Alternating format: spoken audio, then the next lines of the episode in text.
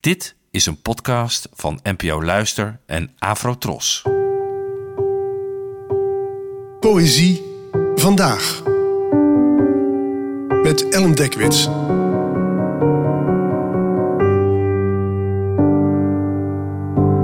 Hallo, fijn dat je luistert. Het gedicht van vandaag heet Het Paar en werd geschreven door de Zweedse dichter Thomas Tranströmer, geboren in 1931 en gestorven in 2015. Het werd vertaald door Bernlef. Het Paar.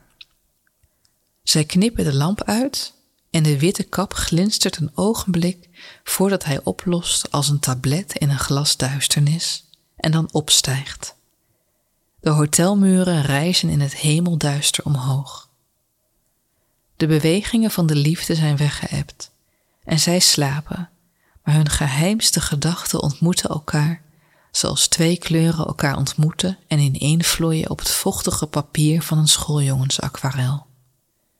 Het is donker en stil, maar de stad is vannacht opgerukt, met gedoofde ramen.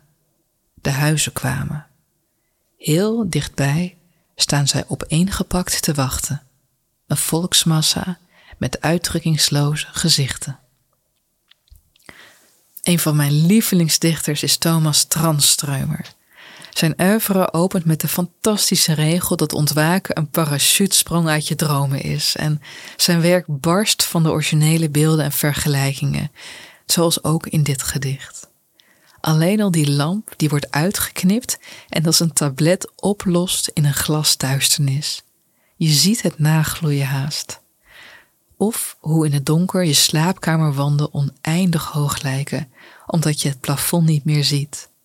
En dan de uitspraak dat de geheimste gedachten van geliefden elkaar ontmoeten zoals kleuren op een aquarel.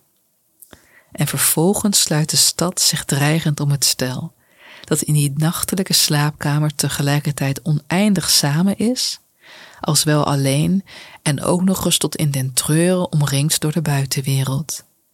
Waar gaat dit naartoe? Wat wordt er van hen? Gedichten betreffen vaak een momentopname, een schets van wat snel weer vervliet. Hoe het afloopt met dit stel is onzeker, maar wat nagloeit zijn de beelden waarmee Tranströmer hun nacht beschreef, die nagloeien als een beertje in het duister. Bedankt voor het luisteren en tot de volgende keer. Afro Tros, de omroep voor ons.